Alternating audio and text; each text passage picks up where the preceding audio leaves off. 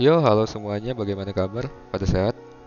Dan gara-gara corona ini banyak yang terganggu ya, kegiatan, aktivitas, belajar, pekerjaan juga terganggu.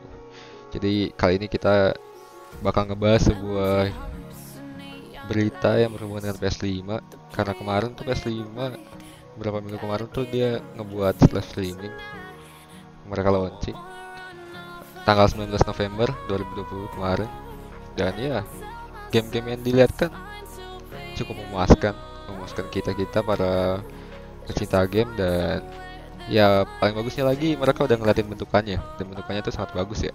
Tidak sesuai isu-isu kemarin yang bentukannya kayak martabak ketumpuk tapi ternyata desain aslinya cukup bagus simpel dan elegan.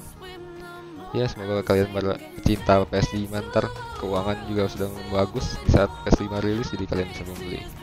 Oke semuanya. Mungkin itu berita singkat dari saya good luck have fun and stay safe stay healthy